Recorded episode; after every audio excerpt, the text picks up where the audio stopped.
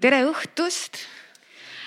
selle õhtu on täna korraldanud She Said So Estonia. She Said So on siis rahvusvaheline muusikatööstuse naiste võrgustik, mis enamasti tegutseb online'is, aga aeg-ajalt me kutsume oma kogukonda kokku sarnastele üritustele, nagu täna õhtul on. aga siis ebaõnnestumiste õhtust see on siis meie esimene sarnane üritus ja mõte tekkiski nendesamade toredate muusikatööstuse naistega. mida peaks tegema, et meie kogukonda harida, et meid kokku tuua ja meid julgustada tegutsema ja tuligi välja, et me teame väga palju, kuidas inimestel läheb hästi. aga mitte keegi ei julge jagada oma ebaõnnestumisi aga me leidsime neli väga ägedat naist, kes on nõus jagama sellist ebaõnnestumist, mis on neile midagi väga õpetanud. Siis esimesena astub meie ette Brigitta David-Jants, kes on muusikateadlane, üks pool ansamblist Hunt ja kirjutab hästi palju erinevaid artikleid. palun.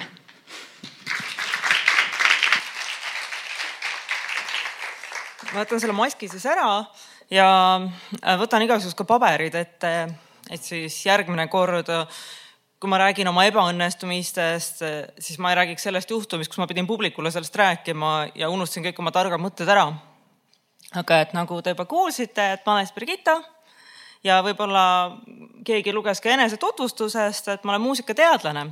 teeme Hanna-Liisa Uusmaaga ansamblit Hunt ja kirjutan kõike, nii ajakirjanduslikku teksti, teadusteksti, ilukirjanduslikku, ühesõnaga kõike, mida kirjutada saab. aga teaduses ma olen siis uurinud rahvuslikkust ja praegu uurin hoopis popmuusikat. noh, peamiselt Nõukogude Eesti popmuusikat, aga siis natukene olen ka süvenenud oma koleda postsovetliku noorpõlve popmuusikasse. aga okei okay,, ma pidin rääkima millestki muust.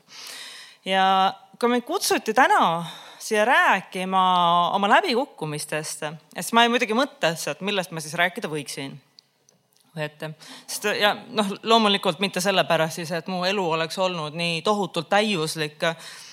Sest noh, loomulikult on igasuguseid jurasid olnud elus ja noh, häbitunnet on palju olnud, et, et kuidas ma nüüd mingi asjaga nüüd nii sihukese asjaga hakkama sain või siis hirmutunnet, et, et kui mõni asi on aia taha läinud, et mis nüüd saab, kuidas ma selle ära lahendan.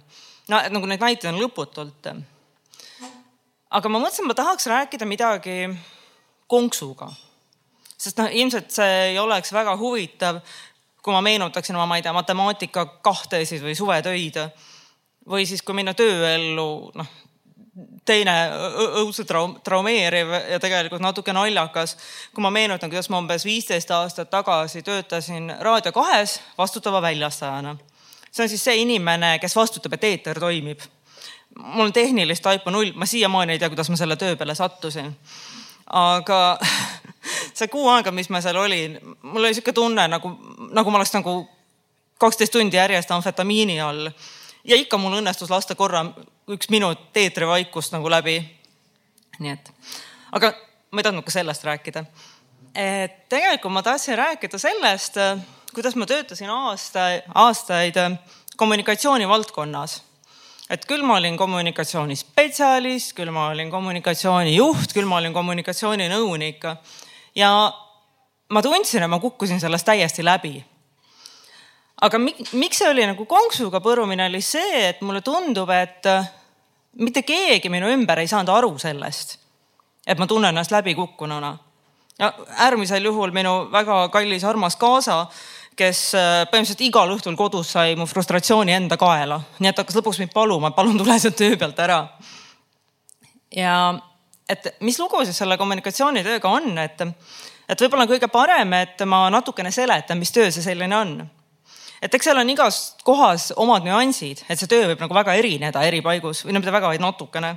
et on nagu erinevus, kas sa töötad seal, ma ei tea, väikses inimõiguste MTÜ-s või töötad suures riigiasutuses, noh, mida mõlemat ma jõudsin teha et noh, näiteks ma olen teinud kommunikatsiooni Eesti LGBT Ühingus ja Eesti Pagulasabis, kus on noh, circa kümme inimest tööl ja samuti ma olen teinud kommunikatsioonitööd näiteks Sotsiaalkindlustusametis, seal töötab siis umbes viissada, kuussada inimest. Ja noh, võib-olla nagu suures ja väikses kohas on see erinevus, et väike koht laseb sul rohkem siukseid rätseplahendusi leida. et ta laseb sul nagu sellele teemale läheneda individuaalsemalt. aga kui sa hakkad nagu suures äh, viie-kuuesaja pealises asutuses tegema rätseplahendusi, siis sa muidugi põled väga-väga kiiresti läbi. noh, sul lihtsalt pole nagu füüsiliselt aega süveneda iga osakonna hingeellu. et seal sa lihtsalt, ma ei tea, kogud rohkem sisendit ja surgid inimesi ise vähem. aga naastes ikkagi selle, et mis see kommunikatsioonitöö siis on, no igapäevane töö. vastad ajakirjanike päringutele, teed sotsiaalmeedia postitusi vasta Facebooki kommentaaridele, mõnes kohas haldad Instagrami. kui, kui tundub päevakohane, siis initsieerid ise lugusid meediasse, ma ei tea, aita spetsialistidel lood valmis kirjutada. No see oli, kuna ma olen kirjutav inimene, siis äh, mul oli väga palju seda, ma kirjutasin teiste inimeste tekste läbi või aitasin neid kokku panna ja noh, siis teeb pakkumise meediasse. sest et noh, ladusaks kirjutamine on noh, omaette kunst. no haldad kodukat aeg-ajalt kirjutad, aitad luua kommunikatsioonistrateegiat, et mõtled nagu suuremale pildile. ehk siis noh, et iroonilisel kombel see ei ole tegelikult töö, kus sul mahuliselt oleks väga palju teha. Et on tegelikult selliseid töid, mis on nagu väga-väga palju nagu suurema töömahuga. aga see nõuab oskust teatud hetkedel ülikiiresti mobiliseeruda ja tegutseda üliintensiivselt ja noh, raskematel päevadel võib see olla niimoodi, et sa istud seal tööl ja sul kukub tunnis üks päring või kaks päringut. ja need päringud ei pruugi olla väga kenad. noh, näiteks ma ütlen, kõige õudsem oli siis, kui oligi sihuke olukord, et kus üks noor oli teise kusagil üks probleem, noh, üks noor oli teise, teise noore ära tapnud ja sul tuleb järjest sel teemal küsimusi ja sa istud nende spetsialistidega koos ja püüad seletada, kuidas selline asi on siin Eestis äh, praegusel hetkel võimalik. ja samal ajal tulevad teised päringud, mis on ka väga keerulised ja rasked ja, ja siis sa koostad neid vastuseid, endal on nutt kurgus, noh, sest keegi on nagu surnud ja kui sa nagu päris kalestunud inimene ei ole, siis see ikka läheb sulle korda. aga siis üks hetk saab see kiire läbi ja, ja siis sa pead oskama nagu molutada, et sa pead oskama ennast nagu täiesti välja lülitada, lasta lahti kõigest. aga see, aga see on nagu, selleks peab olema väga eriline tüüp, inimtüüp, et sa suudadki nagu lõpetada oma mõttelõnga ära. sest et aju töötab ikka täistuuridel edasi ja seedib kõike, mis on juhtunud. ja aga noh, et ühesõnaga, kui sa ei ole nagu selline suurepärane ümberlüüda, siis sa istud selle närid küüs ja ootad, et kohe läheb jälle andmiseks mis muidugi võib viia küsimusele, et miks ma läksin sellele tööle, mis mulle üldse endale tegelikult sisuliselt ei meeldinud aga ma arvan, et siin on see põhjus, et ma alustasin oma tööelu kunagi noorena reporterina kultuuritoimetuses ja noh, jätkasin toimetajana, töötasin pikalt meedias ja, ja avastasin ennast ka muude tööde kõrvalt, et ma alailma teen nii-öelda kommunikatsioonitööd. et näiteks ma ei tea, kui ma juhatasin Eesti Muusika- ja Teatriakadeemia kontserdibürood, siis osa mu tööst oli paratamatult see, et ma tegelikult tegin ka kommunikatsiooni. Ja see meedia osa tuli nagu alati hästi välja et see, et äh, ma arvan, see viiski mu nagu eksliku arvamuseni, et see on midagi sellist, mida ma võiks teha täiskohaga. ja, ja see ongi vist kõige paradoksaalsem, et mitte keegi mu kõrval ei saanud aru, ei tulnud selle peale, et ma võib-olla olen nagu seda tööd tehes sügavalt õnnetu. no peale siis mu kaasa või mu laste või mu ema ja isa ja õdede ja venna nii et äh, siis ma tegingi selle vea, et ma otsisin kogu aeg uusi kommunikatsioonitöid. ma mõtlesin kogu aeg, et noh, et võib-olla mulle ei sobi väike organisatsioon. ei, võib-olla mulle ei sobi hoopis suur organisatsioon või äkki, äkki ma ei peaks töötama inimõigustes kommunikatsiooni vallas, äkki peaks töötama hoopis riigitööl. ja siis ma sain nagu mingi, mingi hetk ma sain nagu aru, et ükski lahedam institutsioon mind nagu ei päästa, lahedam siis jutumärkides. et noh, töö lihtsalt ei sobi olemusega, aga mul võttis ähm, aastaid, et sellest aru saada. ja, ja minu arust siin oligi see üks nagu õppimiskoht, et sa võid selle tööga hästi hakkama saada et jah, sa reageeridki kiirelt ja efektiivselt ja lülitud ümber, aga ise oled õnnetu närviline. piinad oma lähedasi õhtul kodus. näed, näed öösel unes päringuid, ketrad nagu pärast tööd kõike peas, Facebooki postitusi, kurat, äkki see sõnastus ikka ei olnud hea. noh, ja ma arvan, et mu päris mitmele tööandjale oli see paras šokk, kui ma otsustasin ära minna. sest noh, teate, ma arvan, et siin on nagu võib-olla, et siin on eri põhjused, miks see tuli neile nii üllatusena. üks on see muidugi see tohutu tublidus, millest ma tahaks veel eraldi rääkida. aga teine on see, et noh, et isegi kui ma ei taha, siis ma, mul on tunne, ma olen sihuke natuke nagu emalik tüüp, et kui ma noh, ma tean küll, et emantsipeerunud naised ei ole emalikud, see on minu see sihuke nii-öelda hämar koht et aga mingil hetkel ma sain aru, et ma just olen emalik et ma kipun oma võitluskaasa nii-öelda nagu lapsendama, mis on või noh, nagu looma siukse võib-olla ebavajalikult tugeva lähedussuhte, sihuke naisena sa võtad hästi palju seda emotsionaalset tööd endale tahad sa või mitte. ja seda enam tuleb see nagu inimestele šokina, kui sa korraga näitad välja, et ei, asjad ei ole sinu jaoks korras. et ähm, ja noh, tegelikult ma ei tohiks selle üle kurta, sest et äh, ma olen peaaegu igast töökohast võtnud tegelikult kaasa mitu head tuttavat või sõpra. Et ainult mõni üksik inimene ei ütle mulle tere pärast seda. ehk siis tegelikult on mu tutvusringkond äh, heas mõttes laienenud. ja ma olen ka nagu palju uurinud, kust, kust see tuleb see valmidus teha ebameeldivat tööd, hirm reeta, et sulle mingi asi ei meeldi su töö juures. see, see sa poed nahast välja, peaasi, et saaks kiita. see, see on see õudne asi, et õudselt tahaks kiita saada kogu aeg. ja mulle tundub ikkagi, et see nagu taandub soo sotsialiseerimisele ehk siis noh, me ilmselt kõik oleme juba kuulnud, vot et lapsi sotsialiseeritakse erinevalt, et ma ei tea, seal et tüdrukutele õpitakse maast madalast tublidust, poisi, poiste puhul kiidetakse loovust ja et tüdrukud siis saavad kiita usinuse eest ja sihuke nagu toksiline tublidus, mis nagu väljendub selles tüdruku sunnis olla viieline. ja vot see viielisus laieneb nagu kogu elule, et nagu, nagu tahaks läbi elu olla viieline. aga vot minuga oli see konks, et mina ei olnud viieline tüdruk et vastupidi, mu akadeemiline võimekus selgus alles ülikoolis ja seda ka mitte bakalaureuseastmes. tegelikult ma, ma olin täiesti kohutav. ma ma mäletan põhikoolis, mida ähvardati kogu aeg, et minust ei saa mitte, sinust saab koristaja David Jants, sest su mata on kaks ja su kehaline kasvatus, ma ei ole sind näinud isegi kehalises.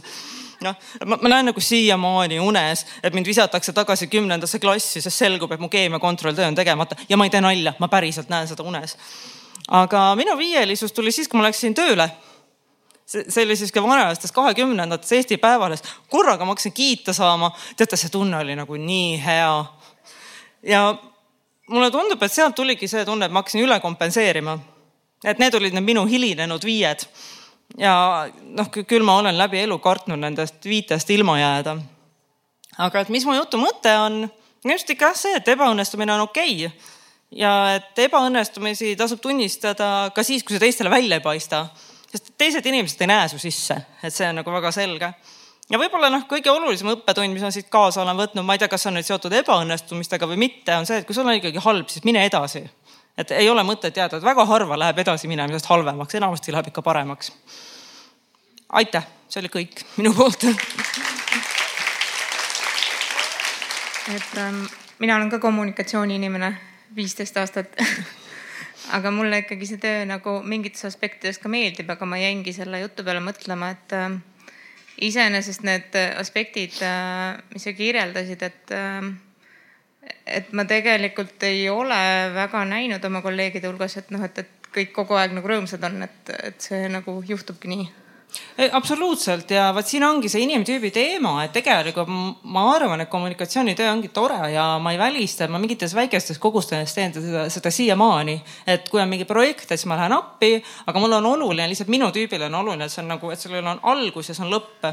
et lihtsalt nagu inimeste närvikavad on hästi erinevad, et mina olen pigem sihuke nagu vaikne nokitseja, süveneja ja siis ma ei tea, võtan endale nädal aega, teen mingi asja valmis ja siis näitan seda et aga minu lugupidamine nagu neile inimestele, kes nagu tegelikult sellega hakkama saavad ja noh, igasuguse irooniata aitäh äh, ettekande eest, väga äge oli. mul on selline huvitav mõte, ma just kuskil, ma ei mäleta, kelle lause see oli, aga selline quote, et, et superpower on äh, võime taluda talutavat ebamugavust. mis sa sellest arvad? see on nagu nii ja naa et ma saan aru, et elu päris ebamugavuseta ei ole nagu võimalik, aga see ongi see, et sa pead nagu ära tundma, kus see ebamugavus ei ole enam talutav, aga me sellega nagu see asi, et me sellega natuke nagu peavaludega, et alus valutab pea natukene ja siis sa mõtled kogu aeg, et ma kannatan veel välja. ja see peavalu aina süveneb üks hetk sa ei saa enam, sa saad aru, et okei okay,, nüüd on see läinud nagu liiale, aga kuna see tuleb nagu tasapisi, siis sa ei, ei adu ise ära selle talutava ja ebatalutava piiri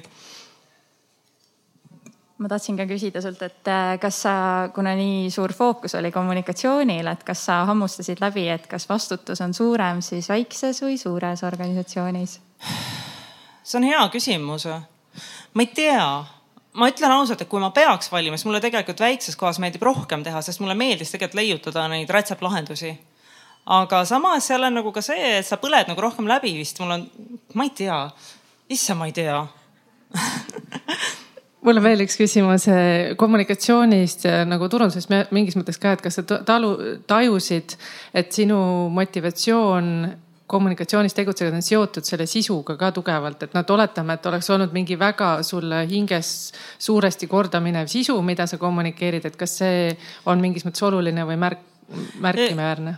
see, see on oluline, et ma pean uskuma sellesse, mida ma kommunikeerin, et ilmselt ma mingi alkobrändi või kasiino kommunikatsiooni teha ei viitsiks ja minu jaoks väga tugev motivaator oli see, et ma tegin neile inimõiguste organisatsioonidele. aga mul on tunne, et minu puhul on ka vist pidur see, et sa nagu lähed ja teed mingi asja, jookseb mingi asja mingis mõttes käima aga ma ilmselt olen nõrga rutiinitaluvusega, kui ma peangi jääma seda käiama, et aga noh, see on minu individuaalne probleem, ma saan aru, et niisiis, aitäh sulle. ma ütlen ühe asja, et ma ei tahtnud kuidagi halvustada kommunikatsioonitööd kui see nii välja kukkus. aga aitäh teile ka.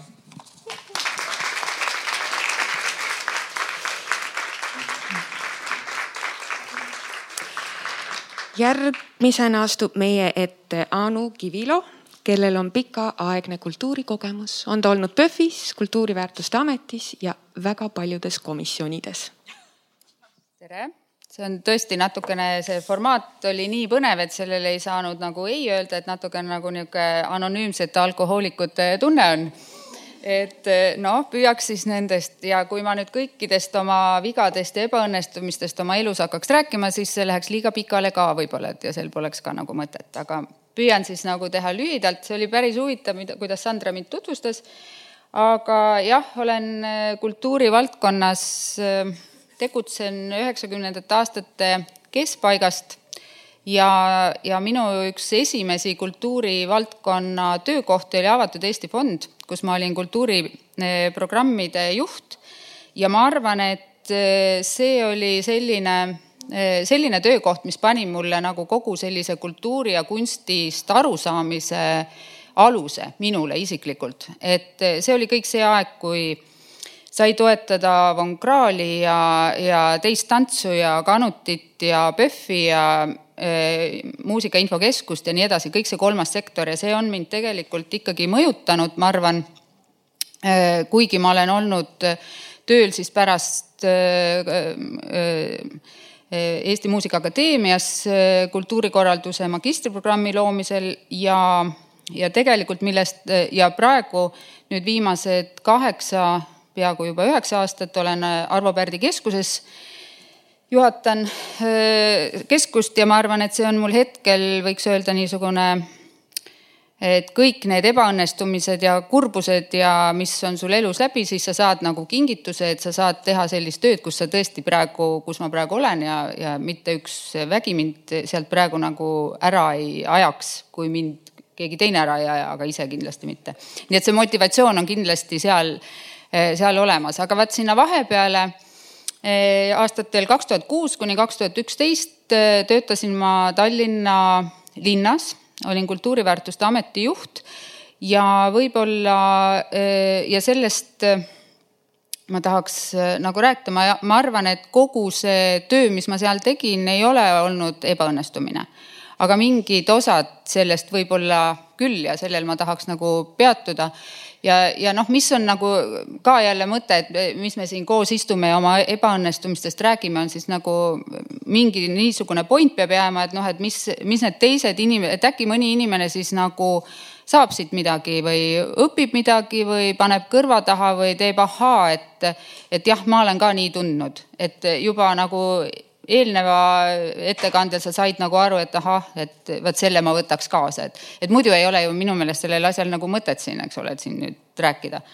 et äh, miks ma äh, kandideerisin linna tööle, oli see, et äh, aasta oli kaks tuhat kuus ja, ja Tallinn valmistus kultuuripealinnaks mis, milleks ta pidi siis saama või saigi siis aastal kaks tuhat üksteist ja mul on olnud ikkagi kuidagi õnn ka olla niisuguste asjade käimalükkamiste juures ja noh, see on nagu noh, oled ise niisugune põnevil ja vot ka, et mulle ka vist selline rutiinitaluvus nii väga ei meeldi et tahaks mingeid asju nagu käima lükata või olla sellistes põnevates asjades nagu osaline.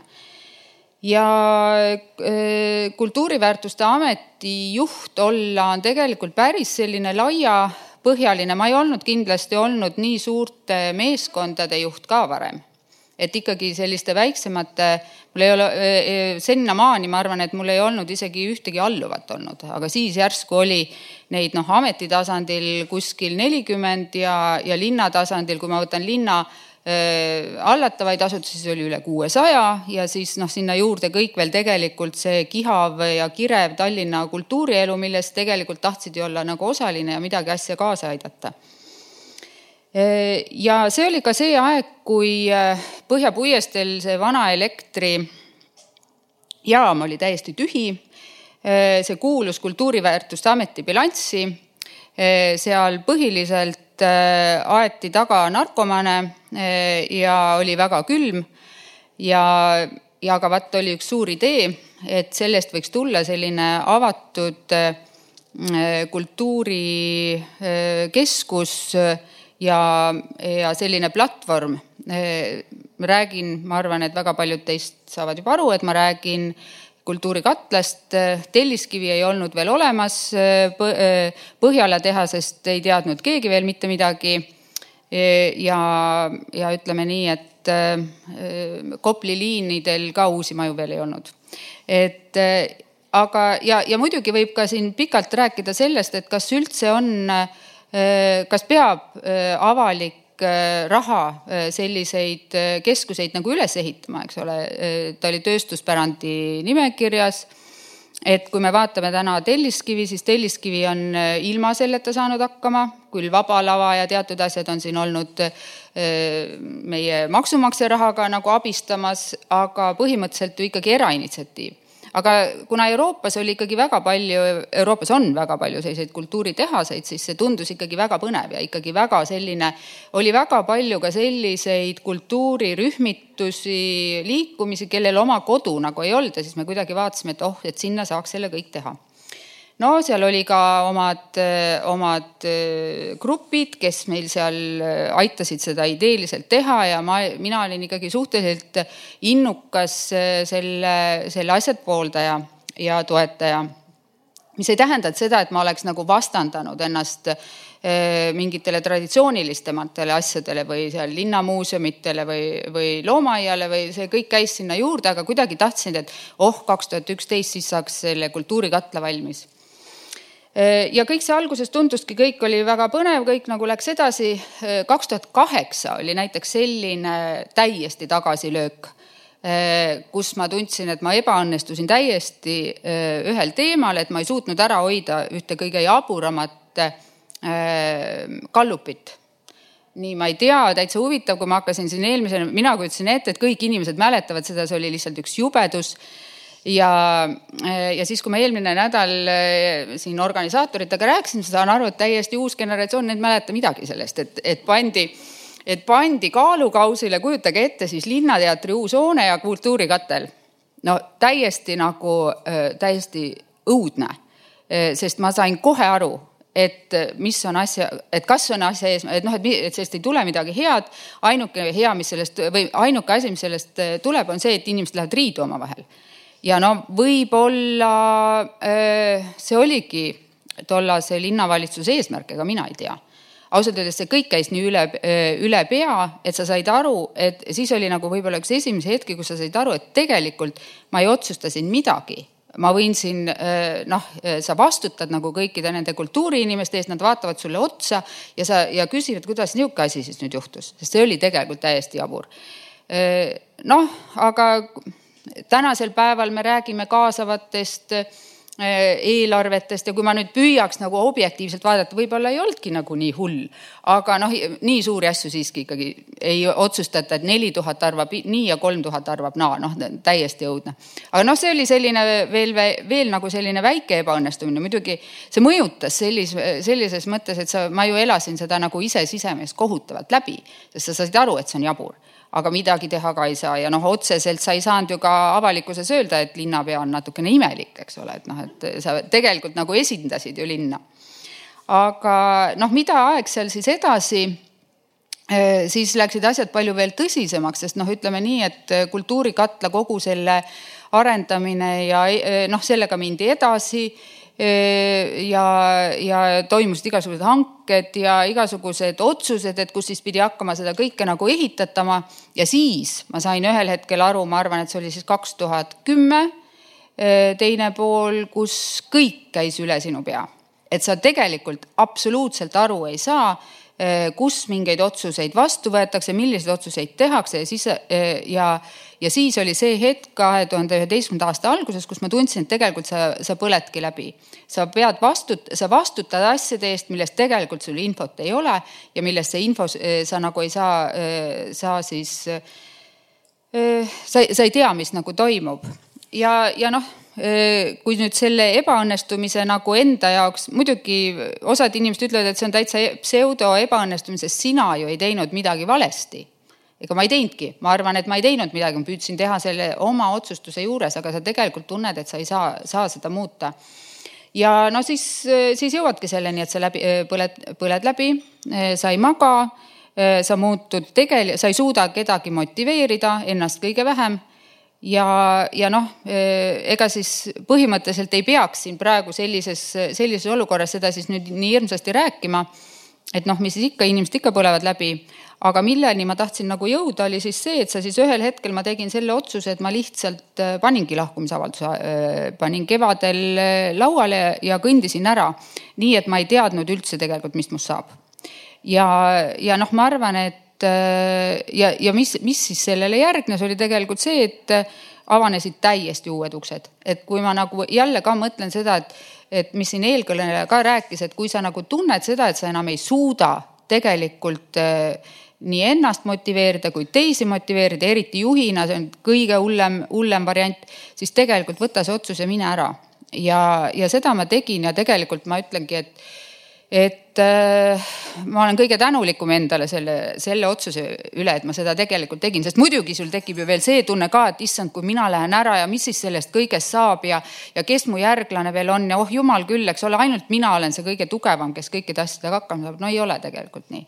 ja tegelikult pead sa mõtlema sellel hetkel iseendale ja, ja oma perele ja oma tervisele et seda ma nüüd küll äh, julgeks kõikidele teistele soovitada, et kui niisugune olukord tekib minge edasi. jah, ma võin ka siiamaani öelda, et igast majanduslikult loomulikult kaotad, aga kõik see, mis sul pärast nagu uksed lahti tegi, eh, igasugused tõesti see, mida Sandro ütles siin, erinevad komisjonid ja kus ma siin olen olnud, see on kõik tegelikult tänu sellele, et ma olen selle, selle nagu eelneva kõik nagu läbi elanud, mingid kogemused saanud ja võtnud selle, et sa pead enese vastu olema aus.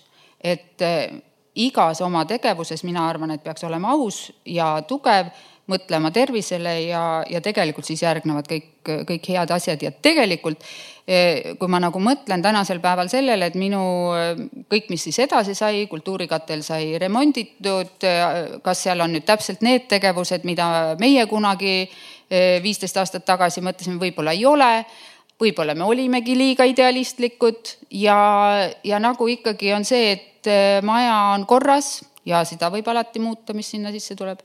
nii et noh, selles mõttes äh, mina jälle ka ütlen, et võib-olla siis need, see, kes minu järg, järgi tuli ja kes need asjad nagu ikkagi korda tegid, et tegelikult sai ka see tehtud. nii et see oli minu lugu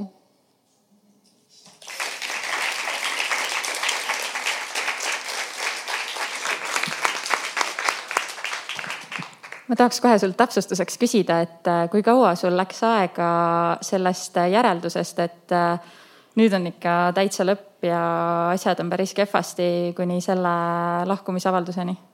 umbes kolm kuud.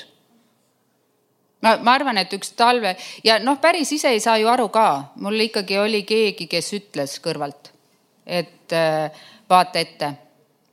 et no ma arvan, et see oli veebruaris ja mais ma läksin ära minu jaoks on alati põnev olnud see, et kui töötada nii-öelda kas linna struktuuris või avalikus sektoris, et kui palju on sellist üleüldist frustratsioonitunnet, et sa näed tegelikult väga hästi, mida oleks vaja teha, aga see süsteem on nii inertsne ja aeglane, et sa ei saa ja siis võibki ennast justkui nagu üritaks kogu aeg läbi seina minna, aga siis vastu seda seina nagu pooleldi oimetuks taguda, et kui palju sellist nagu abstraktset frustratsiooni üleüldises mõttes sellises töös on?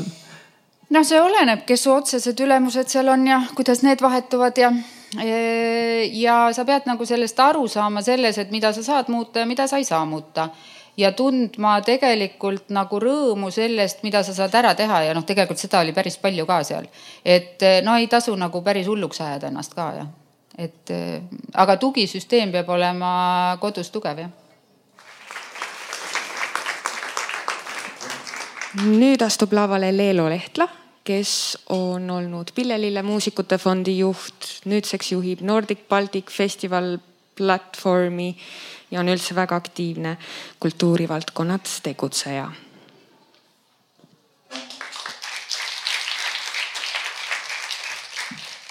nii, tere kõigile rõõm teid näha siin ja väga rõõm ka osaleda. kõigepealt ma tahtsin Birgittat lohutada, et, et mina ka veel ärkan vahest öösel koolipingis ja see on hästi-hästi vastik tunne. ja ma arvan, et äh, sellel on täitsa suur iva sees, et eks meil sellist püüdlikkust ja heatüdruku olemist on tõesti sisse kodeeritud kurjama palju. aga noh, loodame, et eks see meil on ka mingil määral kasuks tulnud, et see, eks sellega tuleb ka vastutustundlikkus, mis on ju kõigile üks võib-olla olulisemaid omadusi tööturul vähemalt. et äh, mina siis jah, olen kultuurivaldkonda sattunud, noh, tegelikult sündinud, sest Pille-Lill on minu ema, ooperilaulja ja, ja kuidagi see nii läks, et nii kui see fond, muusikute fond siis BLMF sai loodud, ma kohe teda ka sellega aitama hakkasin ja neliteist aastat äh, andsin siis nii palju, kui oskasin, et seda struktuuri üles ehitada. ja mida see fond teeb äh, paljuski ka tänaseks on äh, suur osa ikkagi kõige suurema potentsiaaliga solistide toetamine klassikalise muusika valdkonnas. ja mida see toetamine tähendab, üks on see, et anda neile võimalikult palju esinemisvõimalusi Eestis, ähm, siis täiendõppevõimalusi muidugi, oleme tegelenud ka pillidega, et neil oleks head pillid, kuigi noh, ka meil on laul lauljaid omajagu olnud. ja, ja siis äh, loomulikult rahvusvaheline äh, tutvustamine, et nad üld-, saaksid ka teistele lavadele ennast proovile panema ja loomulikult huvitavamate lavapartneritega kokku sellest on mõned aastad möödas, kuni ma enam fondiga ei tegele, aga juba kaks tuhat kolmteist eh, fondi ajal lõin sinna kõrvale BLMF Arts Management'i, mis siis algne mõte oli teha just management'i tööd, et ikkagi võttagi siis noppida need veel kõige-kõige andekamad, kellega me töötame ja hakata neid äh, müüma maailma, et natukene rohkem sellist ka ettevõtlusmudelit arendada. aga tegelikkuses sinna kujunes ka muid tegevusi, nagu näiteks jah, selle Põhja-Balti festivalide platvormide eestvedamine, kirjutan oma meeskonnaga Euroopa projekte ja muud konsultatsioonialast tegevust. et, et see on jah, nagu üsna lai see, et muusikat on ka palju, aga on ka muid tegevusi.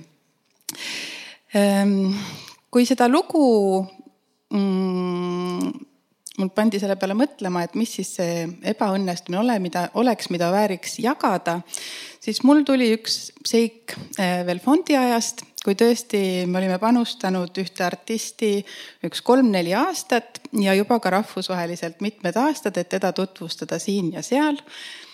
Eh, et tekiks ikkagi need erinevad sidemed, et minna karjääris edasi. Ja üheks selleks loomulikult on erinevate agentide leidmine või ka mänedžeri ja, ja see on päris pikk protsess, et, et üleöö need asjad ei käi.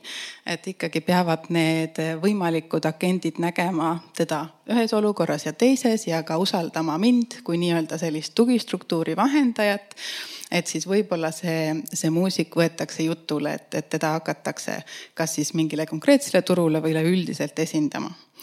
ja õnnestus siis ühe muusiku puhul see, et, et talle temast tundis huvi üks Saksa väga väärikas agent ja, ja see leping sai sõlmitud, et, et see agent teda esindaks ja loomulikult see töö oli piisavalt suur, mis oli enne tehtud, et siis sel hetkel tekkis võib-olla natuke selline kergendustunne, et oih, nüüd on, nüüd on ta nagu järje peal ja, ja saab nagu ise vähekene vabamalt võtta.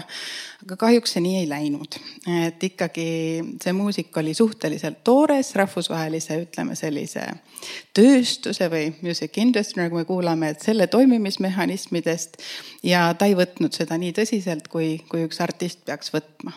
et äh, ei vastanud ta meilidele hästi korralikult ega kõnedele ja jäi lõpuks ka kohale ilmumata ühele väga tähtsale äh, üritusele noh, ja loomulikult äh, see kurvastus oli suur, natukene viha ja muid asju ka muidugi, pettumust.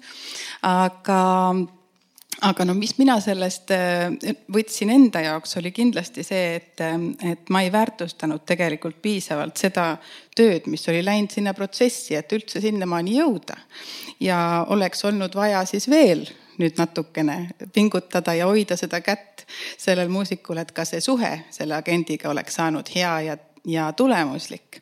et seda ma ette ei näinud, et see võiks nii minna, et täiesti parandatav asi ja, ja tänases töös olen seda ka kogu aeg jälginud, et kui ma midagi ikkagi alustan, siis peab viima selle protsessi lõpuni, aga noh, vahest on jah raske näha, et kus see siis see tegelik lõpp on.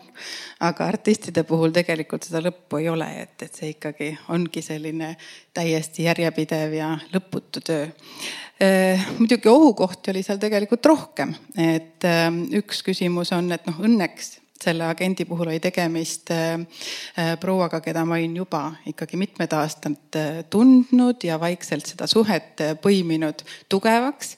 Et, et sealt ei järgenud seda, mis oleks võinud, et minu maine oleks saanud väga tugeva löögi, sest mina olin ju see, keda usaldati, et tema on korralik tegija ja temasse saab, tema peale saab loota ja panustada aga jah, see oleks võinud nii minna, et tipptasemel tegutsedes oleks see olnud mõni Londoni agentuuridest, siis ma arvan, et see oleks võinud panna ikkagi minu karjäärile päris suure hoobi ja loomulikult ka fondile üldisemalt, kui ta, kui ta ei suutnud nagu tagada sellist, sellist professionaalset tasemet, taset, mida oli vaja ja noh, üks asi, mis nüüd väga spetsiifiliselt ka mänedžeri tööle see õpetas, on see, et ikkagi need artistid, kellega ma töötan, on põhimõtteliselt saba ja karvadega minu, minu äh, hooldada, et praktiliselt ma tean ka nende isiklikust elust kõike ja olen nagu igal hetkel ikkagi võimeline neid kätte saama. et, et seda võib-olla ka, kui ma alustasin selles liinis töös, ei osanud ette näha, et see peab olema nagu nii sügav see suhe tegelikult, et sa, et sa, sul on võimalik kogu aeg selle inimese peale loota, sest see on partnerlus, see ei ole, see ei ole lihtsalt nii, et mina teen sulle midagi.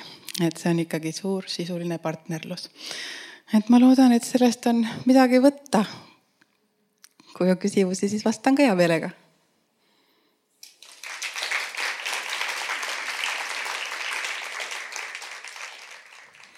ma olen väga uudishimulik inimene, ma kogu aeg küsin aga noh, see on mõnes mõttes äh, tuttav olukord äh, ikka ka, aga et kuidas sa edaspidi oskasid hoolt kanda, et selliseid asju, noh, sa ütlesid küll, et sa oled rohkem nii-öelda selles teemas isiklikult sees ja nii edasi, aga sa tagasi mõtled, kas sa oleksid saanud kuidagi vältida seda, mis nii-öelda juhtus?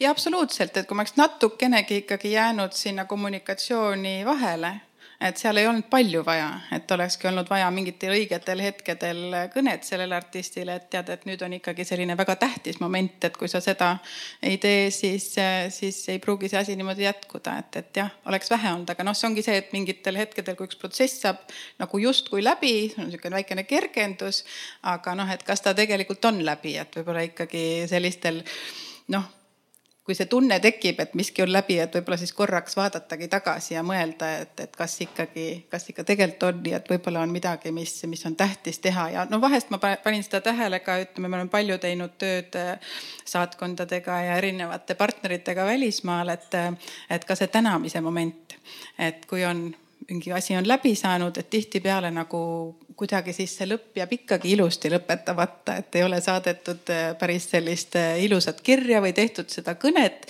mis tegelikult selle suhte võib hoida, eks ole, hoopis, hoopis parema ja tulemuslikuna pikkadeks aastateks ja see on nii väike asi. ma küsin sult äh, ühe sellise võib-olla management'i mõttes spetsiifilisema küsimuse, et kui sa fondis olid ju ühes rollis ja mänedžerina tegelikult oled teises rollis, et äh, kui sul praegu täna on artistid, kellega sa teed selliseid maailmatasemel agentidega koostöid, et siis äh, millise, et kas sa oled selle koostöö vahel või millise rolli sa sellisel juhul võtad? Et täna ma üksikartistidega tegelen vähem, et enamus äh, minu turneesid ja mis ma ette võtan, on äh, orkestritele, kooridele.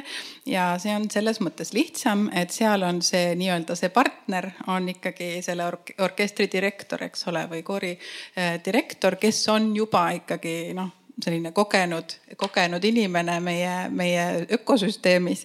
et ses mõttes see suhe nagu toimib sellel tasandil lihtsamalt, aga viimane artist jah, kellega ma, kellega ma tegime mitmeid lepinguid üle Euroopa põhiliselt. et, et temaga tõesti, ta oli ikka mul jah, täiesti kontrolli all kogu aeg, et, et ei, ei, ei olnud nii, et kaob ära kuskile päevaks või. ja on väga kurjasid telefonikõnesid ka vahest, et kui nad mõne lollusega hakkama saavad nii, mul on ka üks küsimus, et äh, kuidas leida selline äh, tasakaal selle vahel, et kui sa inimesega suhtled või keegi, kes sinu heaks midagi teeb, et, äh, et mõned asjad, mis on elementaarsed. ahah, nüüd ma näen. mõned asjad, mis on elementaarsed ja sa eeldad ja sa tead, et sina inimesena teeksid need ära aga et, et ei tahaks ka olla võib-olla nii puuriv ja uuriv kogu aeg, et kuidas leida tasakaal, et, et mitte üle korraldada, aga samas, et hoolitseda, et kõik ikkagi toimib. Vaat kui see mm, kutse tuli siia täna, siis üks, üks mõte, ma mõtlesin, millest rääkida oleks võib-olla see, aga ma mõtlesin seda rohkem nagu töötajate kontekstis. et, et mis ma arvan ka on olnud üks suur viga, võib-olla see on kõikidel alustajatel nii on, et, et sa püüad nagu hästi võrdlema iseendaga oma töötajaid, oma noh, ka kolleege või ükskõike oma, oma võrgustikus olevat eh, tegevust, et et see lihtsalt on võimatu, et sa pead ikkagi suutma nagu ennast sellest äh, võrrandist välja arvama ja võtma inimest nii, nagu ta on ja mitte eeldama, et ta teeb seda, teist ja kolmandat ja artisti puhul eriti, sest äh, noh, tihtilugu ikkagi väga loovad inimesed on ebakorrapärased ja irregulaarsed ja mitte väga usaldusväärsed. et, et minu, minu roll on seda teada, e, et ikkagi vaat seal, kus on see võtmemoment, et, et siis äh, ma pean olema valmis nagu sinna vahele astuma ja, ja minu kalender peab olema selleks ette valmistatud, sest, sest muidu lihtsalt lähevad asjad halvasti.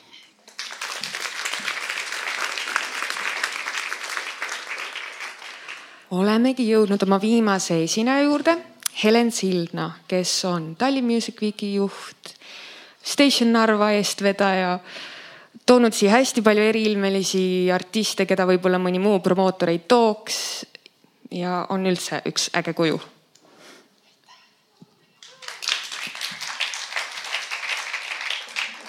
aitäh ähm ja sel hetkel, kui Martina rääkis mulle sellest sündmusest ja küsis, kas ma oleksin nõus osalema, ma ütlesin üsna kiiresti ja, sest üldjoontes äh, ma arvan, et ähm, on oluline rääkida ebaõnnestumisest.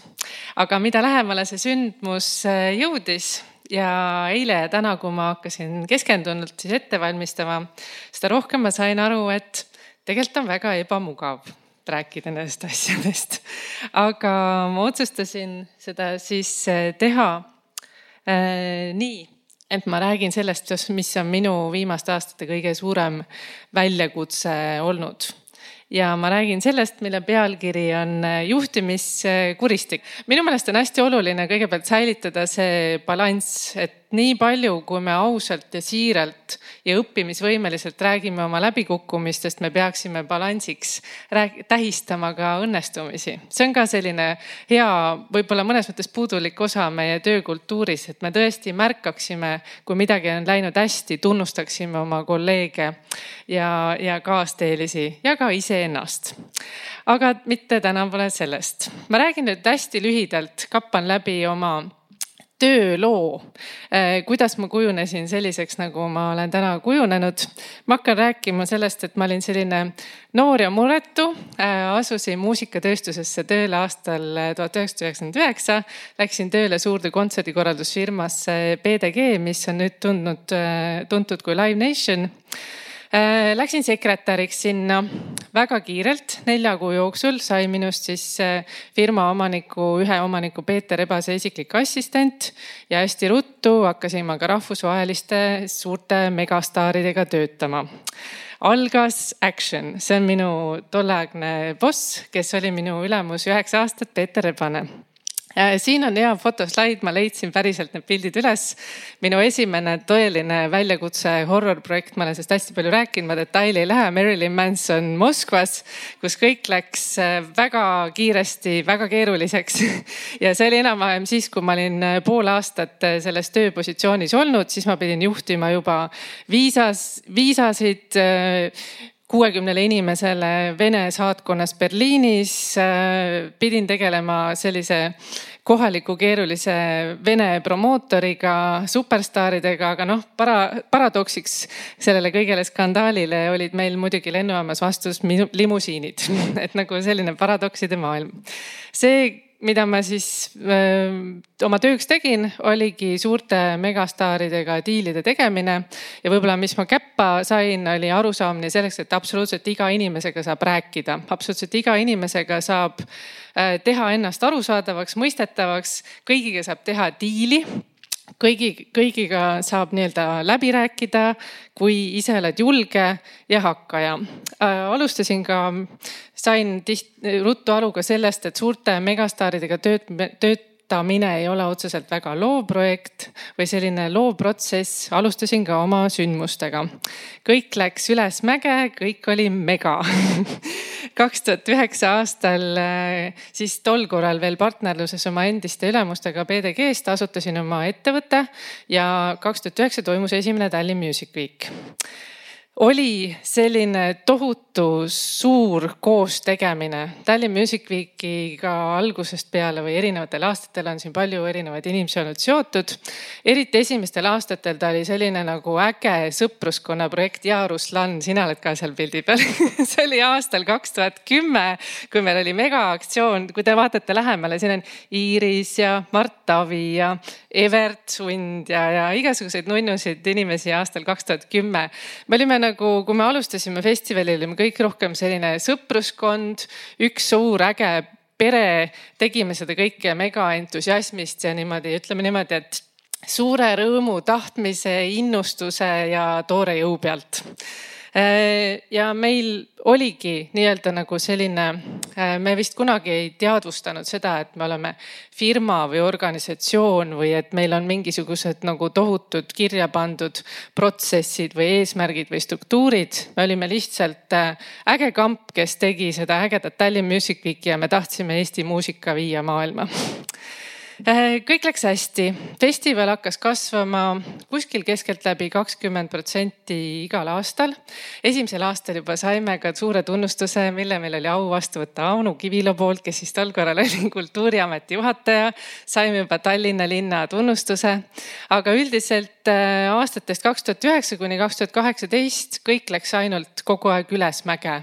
et ei saa öelda, et see oli kunagi lihtne, see oli alati väga suurte väljakutsetega seotud, aga niimoodi hoo pealt, ütleme nii äh, kaks tuhat kaheksateist me tähistasime siis Tallinn Music Weeki kümnendat juubelit. Äh, kõik rekord, statistika, numbrid, kõik äh, oli fantastiline. selle kõige pealt olime juba noh, nii-öelda teadvustanud, et me teeme linnafestivali, me tundsime, mida me saame saavutada ka linnapildis. tundsime, et kultuur ja muusika on majanduse mootor. tundsime, et kultuur on selline nagu mõju katalüsaator, me nagu tajusime, et mis, mis meie nii-öelda võimekus on nii Tallinna linnas, loovkogukonnas kui üldse ühiskonnas äh, alustasime ka tööd Narvas, äh, tundsime, et me saaksime positiivseid muutusi ka Narvas esile tuua kohalike tiimidega seal koostöös sai selline üsna ähm, julge statement äh, kampaania välja töötatud, mille nimi oli Narva is next. ja siis tuli suur must auk. Äh, siin on üks selline must lehekülg, kus kohe tuleb välk taevast. suur šokk Äh, me olime jõudnud, noh öelda niimoodi positiivsete kangelastena jõudnud päris kaugele ja sellise nagu õhinapõhise teeme ära, kõik on äge, teeme edasi, oleme hästi julged. olime sellega hästi kaugele jõudnud ja mina ise, kui ma kaks tuhat üheksasada üheksakümmend üheksa alustasin nii-öelda oma muusikatööstuse karjääri promootorina, olin sellest samast trajektooris kogu aeg edasi jooksnud tulid kuumad pealkirjad, Helen Sildna Suured võlad äh, samal ajal me olime avamas oma esimest festivali äh, Station Narvat Narvas. Äh, samal ajal, kui oli see kõik toimumas, nii-öelda ühest küljest nagu me olime aru saanud või mina olin aru saanud, et äh, tegelikult tuleb organisatsiooniga hoopis teisel tasemel tegeleda. samal ajal me pidime tegelikult käivitama uut festivali Narvas, et tegelikult ei olnud aega isegi mõelda selle peale, me pidime lihtsalt edasi liikuma. tormus esimene festival, see oli ka väga äge, see oli väga keeruline, aga väga nii-öelda kuidagi emotsionaalselt ja, ja kogemuslikult äh, rikastav. New, New York Timesis ja Economistis ilmusid artiklid, kuidas Eesti on nii tark, et kasutab kultuuri, et tegeleda integratsiooniga. kõik oli endiselt äh, väga võimas. aga see järgmine nii-öelda nagu plahvatus tuleb hoopis teises kohas. see järgmine plahvatus tuleb selles hetkes, kus äh, saabub juhtimiskuristik ja see tegelik arusaamine, et äh, inimesed on väga väsinud ja väga kurnatud. ja see arusaamine, ütleme nii, et minu see suur šokk ei olnudki nii palju seotud nende uudistega vaid minu suur šokk oli selles hetkes, kui peale seda aastat, kui meil tegelikult oli tiimis olnud väga-väga hea vibe ja meelestatus ja me oleme seda kõike teinud, me olime üks tiim, me hoidsime kokku, siis peale Station Narvat ikkagi pooled tiimiliikmed ütlesid, et nad lihtsalt ei jaksa enam. Nad noh, puhtfüüsiliselt lihtsalt ei pea enam vastu ja nad sellise tempoga jätkata ei saa ja ma sain aru, et nüüd nagu see tegelik suur väljakutse või challenge on see, kuidas hoida inimesi, sest minu tiim oli väsinud ja neid tiimiliikmeid oli aastate jooksul palju ja palju käinud. sain aru, et äh, see legendaarne lause, see on Toomas Hendrik Ilvese lause ühest temast kõnest. see, mis tõi meid siia, ei vii meid enam edasi ja ma pidin endale esitama sellise hea küsimuse, et äh, mis vahe seal siis tegelikult on. et kas ma olen projektijuht või ma olen ikkagi päriselt nii-öelda organisatsiooni ettevõtte juht ja ma sain aru, et mul oli kuidagi õnnestunud juhtida omaenda firmat kümme aastat, ilma et ma seda küsimust päriselt enda käest oleksin niimoodi küsinud, et ma ka aru saaksin, mida see tähendab ja siis hakkas tegelikult selline päris huvitav olukord, et sa saad aru, et kuidas sa hakkad iseennast muutma, kuidas sa saad ise autopiloodilt maha, kui sa oled harjunud mingil moel kogu aeg nii-öelda toimima ja mingis mõttes sellise toimimismudeli läbi ka nagu tulemusi tooma eeskujusid ei ole vaja kaualt, kaugelt leida, et nii-öelda reinventing yourself või iseenda taasloomine, et noh, nii-öelda David Bowie moel, et mõtelda nagu iseenda muutumise peale. see on äh, väikses kirjas ja te ei peagi saama seda detailselt lugeda, aga ma kunagi mõtlesin enda jaoks päriselt läbi selle, et mis on minu tugevused ja mis on minu nõrkused. ja ma sain väga hästi aru sellest, et äh, ma olen väga hea sprinter aga ma peaksin olema ka palju parem pikamaajooksja. ja ma olen väga hea selline starter, selline energia kickstarter, aga äh, ma peaksin olema palju stabiilsem juht, et luua selline töökeskkond meeskonnale, et neil oleks seal hea ja turvaline töötada ja nii, nüüd on siin hästi palju selliseid müüte, mida me kusjuures muusikatööstuses ja kultuuritööstuses oleme hästi palju evinud ja mida ma olen aastate jooksul ka ise päris palju öelnud. võib-olla ma tahaks need müüdid täna enda poolt murda ma olen kogu aeg öelnud, et mis eraelu ja tööelu, et mis, miks need peab nagu lahutama, et need on nagu üks suur elu ja tegelikult noh, mis siin ikka rääkida. ma olen saanud nüüd väga selgelt aru, et, et me oleksime nii-öelda mitmekesised inimesed, kes saavad iseendaga ja ka suudavad areneda edasi. me lihtsalt peame teist tüüpi rütmis, teist tüüpi info sees olema, seega eraelu, hobid, elu väljaspool tööd on väga-väga vajalik. Puhkus on nõrkadele, isegi nagu haige olemine on nõrkadele, töö käib edasi. Ärge olge üllatunud, ka seda on nii-öelda, kui mitte öeldud, siis kuidagi nagu vähemalt iseenda puhul rakendatud ma olen saanud ka väga selgelt aru sellest, et noh, me räägime stressist, eks ole, et stressi me kogeme kõik kogu aeg ja me ei saagi seda vältida. me ei pea stressi kartma nii-öelda hooti, aga me peame kõik kartma kroonilist süsteemset stressi, sest see halvab täielikult meie äh, produkti-, produktiivsuse kõigepealt ja teiseks see hakkab äh, jälgi jätma meie tervisele, mis ei pruugigi taastuda siis oluline müüt, millest me kogu aeg räägime, et multitasking on absoluutne nagu edu võti, täielik bullshit. ainus, millel on mõtet, on fookus ühele asjale korraga ja nii-öelda planeeritud tegevused, keskendunud tegevused äh, üks asi, mis ma küsisin Anu käest ka, et iga, iga kord peab minema läbi halli kivi, et iga päev peab nii-öelda rammima ühe seina maha niimoodi, et see nagu murdub tükkideks onju. Ei äh, sa ei saa väsitada iseennast, sa ei saa väsitada ja kurnata oma tiimi, oma partnereid, sest lõpuks, kui sa tahad mitu aastat tegevusi teha, lihtsalt kõik on kurnatud. igast stiilist ja inimesest peab pigistama viimase, nii-öelda täpselt seesama äh, mudel saab pakkuda alati inimestele uut infot või uut perspektiivi, aga mitte kunagi sa ei pea inimesi ümber veenma, nad tegelikult peavad ikkagi ise tegema oma otsused. sest kui sa nii-öelda nagu räägid musta valgeks või üritad kellegi ümber veenda niimoodi agressiivsel moel, siis tegelikult see muutus ei jää püsima ah,.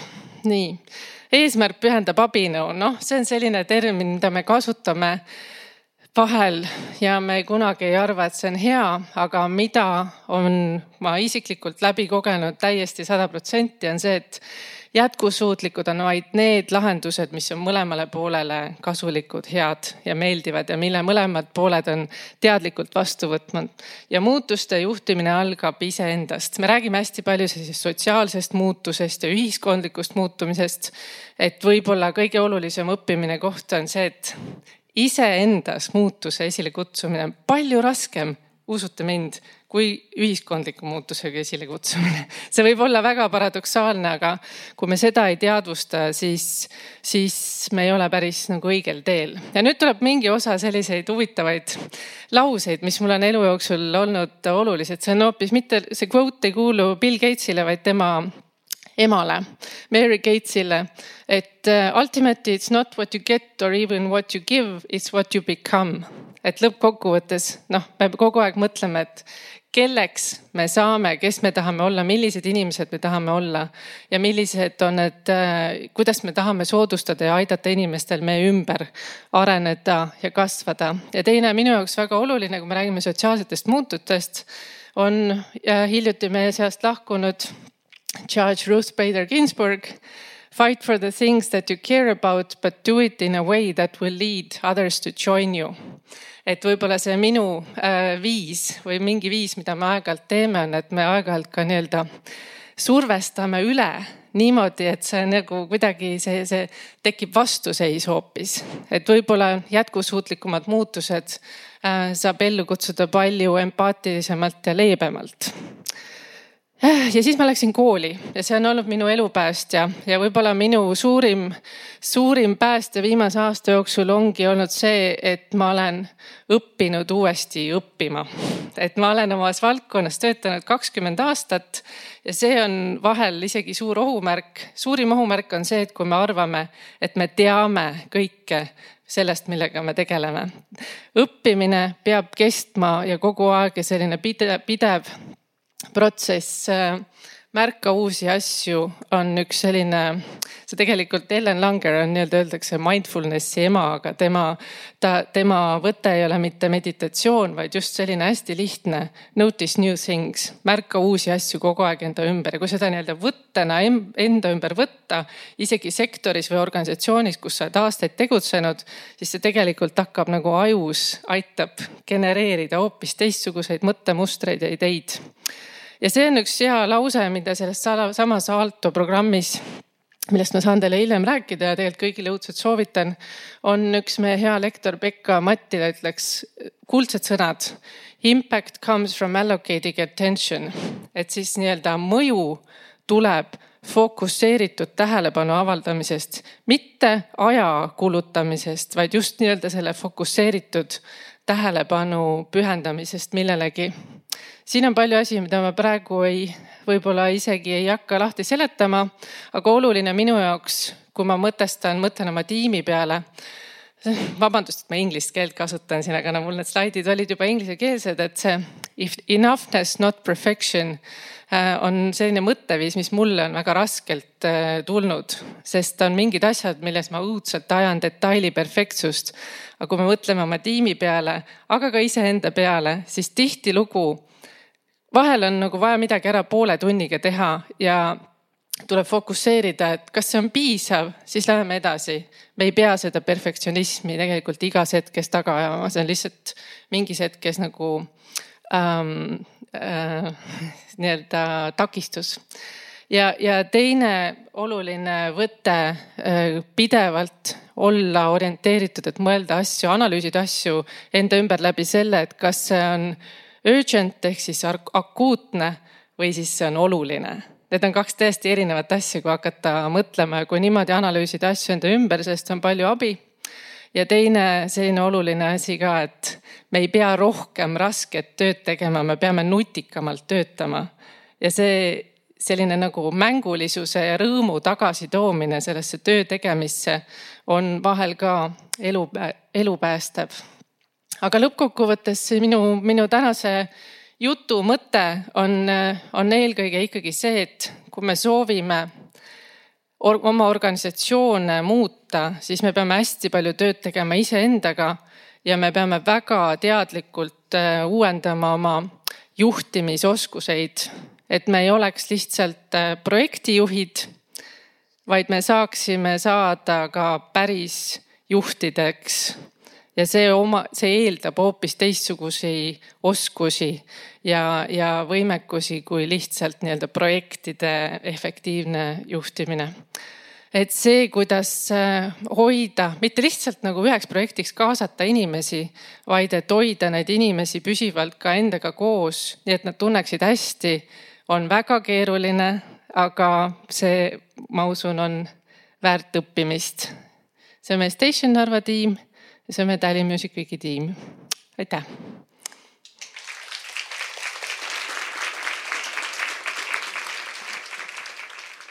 Äh, väga aitäh sulle selle eest kas sa tunned, et sa, ütleme, et me teame, et päevas on, on ju kakskümmend neli tundi ja kui on väga kiired ajad, siis ikkagi me kipume jooksma, kappama selles rütmis, et kas sa praegu teadlikult suudad siis luua seda piiri, et võtta seda aega iseenda jaoks, võtta aega nii-öelda olla vaba mm. -hmm. ja, ja, ja kas see siis annab sulle nagu selle power'i, millega siis seda tööd edasi teha? ja ma olen seda märganud, kunagi keegi ütles mulle sellised laused, et äh, tee oma tööd nii, et sa oled meister vaadake, et noh, meister ei ole ju selline, et ta õudselt pingutab ja rassib, meister teab täpselt, kus pingutada ja ta oskab nii-öelda oma intensiivsustega mängida. ta nagu teab seda hetke, et vot nüüd on vaja nagu tund aega intensiivselt siin minu tähelepanu. aga siin selle saame me näiteks nende teiste tiimidega ära teha, et tegelikult see on pidev, ma arvan, iseenda võimekuse tundma õppimine, et kuidas nii-öelda kogu aeg säilitada energiat, see on tohutult oluline oskus nii-öelda panna energiat sinna, kus seda on väga vaja aga siis lasta järele sinna, kus, kus saab nii-öelda nagu lõdvemalt lasta ka. meil oli hästi huvitav kogemus tiimiga nüüd noh, märtsist augustini, eks ole. meil kõigil on imelikud ajad olnud, aga meil oli selline otsustuse koht, et suvel, noh, me teadsime, et kui me märtsist augustisse lükkame festivali, siis suvi hakkab olema selline huvitav, et kas me suvepuhkust üldse saame endale lubada me tegime sellise erakordse otsuse, hästi ebatüüpiline kollektiivpuhkus kaks nädalat, juuni viimane nädal ja juuli esimene nädal. ja ma olin ise ka üllatunud, et me viisime selle läbi, ma olin tegelikult nagu kabu hirmus enam-vähem. Aga, aga me tegime selle otsuse ära, et me mõtlesime, et noh, me, me ei hakka tilgutama, et inimesed tulevad-lähevad nagu erinevatel hetkedel, et see tekitab isegi mõnes mõttes rohkem kaost või segadust, et olemegi kaks nädalat puhkusel, tuleme tagasi, teeme edasi ja ma esimest korda elus nägin oma silmaga, kuidas see päriselt tõi tagasi sõna otseses mõttes. et kui me oleksime kõik nagu kaks nädalat selle aja jooksul üksteist nagu väsitanud, et noh, natuke seda teadmatust ja natuke nagu tuleb midagi teha, eks ole. võtsime aja maha äh, ja otsustasime ära, et me nagunii ei tea, mis nende rahvusvaheliste reisidega vahepeal juhtub, et nagu, et me ei ole täna ega homme ega järgmine esmaspäev targemad, et oleme kaks nädalat täitsa eemal ja siis tuleme tagasi. et see selline energiateadlik säästlikkus ja selle pärast tagasitoomine nagu rõõmu ja nagu elutahte näol on tegelikult nagu tohutu väärtuslik investeering.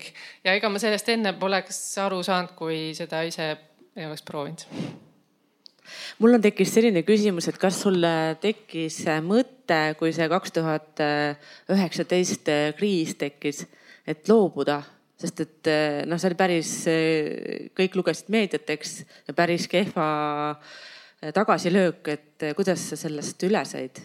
No sellel hetkel isegi loobuda ei olnud ju variant, sest tegelikult oli asjad ära klaarida et äh, see ei olnud kunagi variant ja, ja ma, minu jaoks see ei olegi põhimõtteliselt kunagi, see ei ole isegi mu pähe jõudnud. et äh, minu jaoks Tallinn Music Week on sedavõrd väärtuslik bränd, et kui minu juhtimisvigade tõttu see on vajunud mingil hetkel sellisesse nii-öelda miinusesse ka imagoloogiliselt, siis ma tundsin nii suurt vastutust selle brändi eest, et minu ülesanne on tõmmata see bränd uuesti sealt välja ja tuua ta tagasi. et, et ma tajun, et see bränd peab ikkagi nii-öelda Eesti muusikatööstust ja, ja, ja linna nii-öelda heas mõttes edasi esindama, aga et me taha, et minu soov oli ta teha nii-öelda korda. Et, et aga noh, vot raske on just nimelt see hetk Äh, kui sina firma omaniku asutajana tead, et okei okay,, mina vastutan ja mina olen valmis töötama, aga sa saad aru, et tegelikult su tiimiliikmed ei pea vastutama selle eest ja neil on vaba valik ära minna. ja sa mõistadki seda, aga see on sellisel hetkel lihtsalt, kui inimesed nagu lähevad sellisel hetkel, see, vot see on nagu kõige keerulisem asi, et mitte see olukord ise ei ole kõige keerulisem, vaid olukord on see, et kuidas sa hoiad neid inimesi enda ümber, sest ma rohkem muretsesin nagu tiimi pärast kui selle ettevõtte pärast. et noh, miks nemad peavad selle jamaga ka mingis mõttes diilima, et võib-olla see oli kõige keerulisem. selle äh, vastuse jätkuks, kuidas sa siis hoiad neid inimesi enda ümber? no vot nagu ei, endiselt õpin ega see ju noh vaata see, see keegi ütles siin äh, väga targalt välja, Leelo ütles vist, et äh, tuleb aru saada, et äh, me tiimiliikmed ei ole meie enda koopiad. et nagu see on nii lihtne oodata inimestelt täpselt nagu analoogset sooritust, nagu sa ise teeksid. Ähm, aga noh, loomulikult me võime hästi pikalt rääkida usaldamisest ja vastutusest ja kõigest sellest ja kui raskelt see tuleb ja nii edasi, onju. aga aga see ongi suurim kunst inimesi hoida, on minu meelest nagu, me räägime sellest liiga vähe, me räägime nagu noh, muusikatööstusest ka, minu meelest me peaksime juhtimiskvaliteedist üldse palju rohkem rääkima Eestis.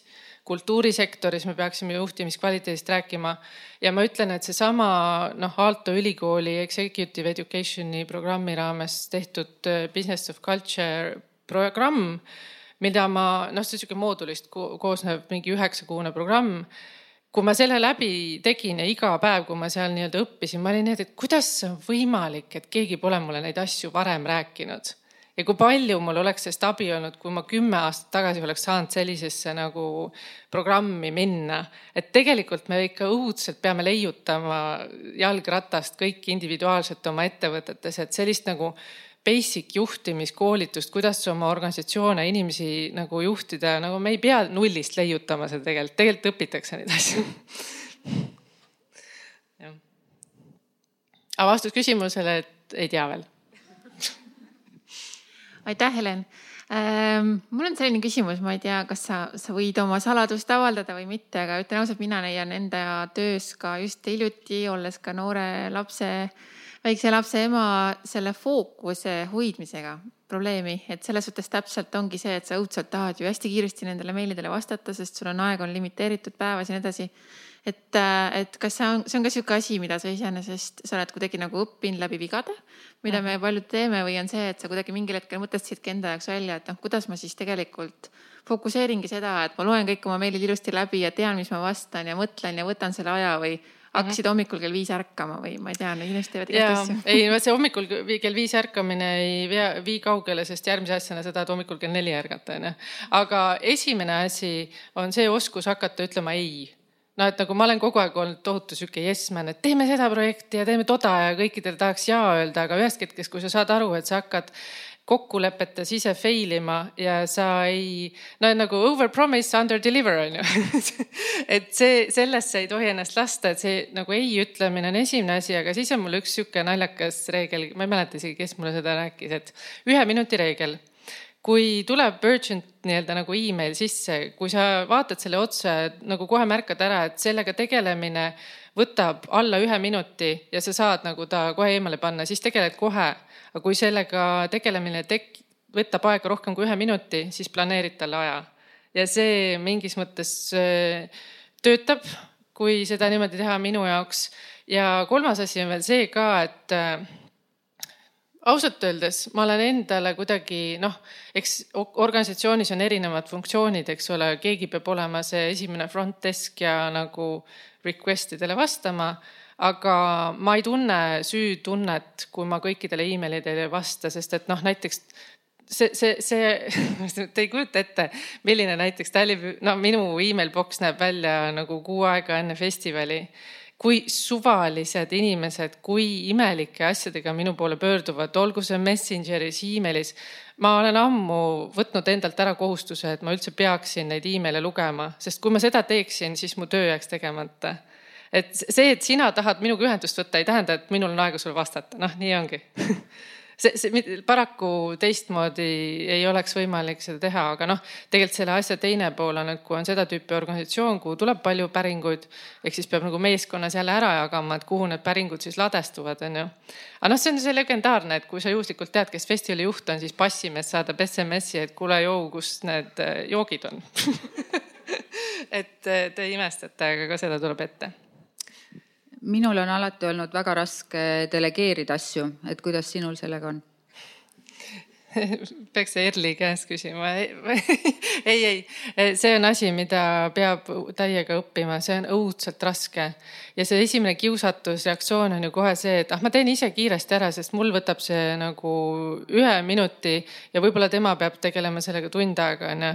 aga see on hästi, noh, see on lühinägelik, sest et tuleb investeerida, et see inimene hakkaks sellest aru saama ja siis nagu mõne kuu pärast hakkab olema sellest kasu. aga see ei tule, see ei tule, see ei tule kergelt, aga see kiusatus ise ära teha, see on see, minu jaoks see ongi täpselt see nagu projektijuhi mentaliteet.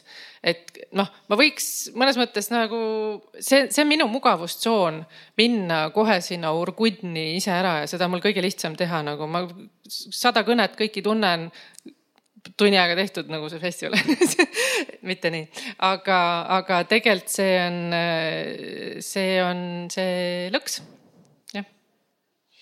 aitäh! Ja aitäh kõigile teile, kes te tulite. Suur-suur tänu meie esinejatele, et olite nõus nii ebamugavatel teemadel meiega rääkima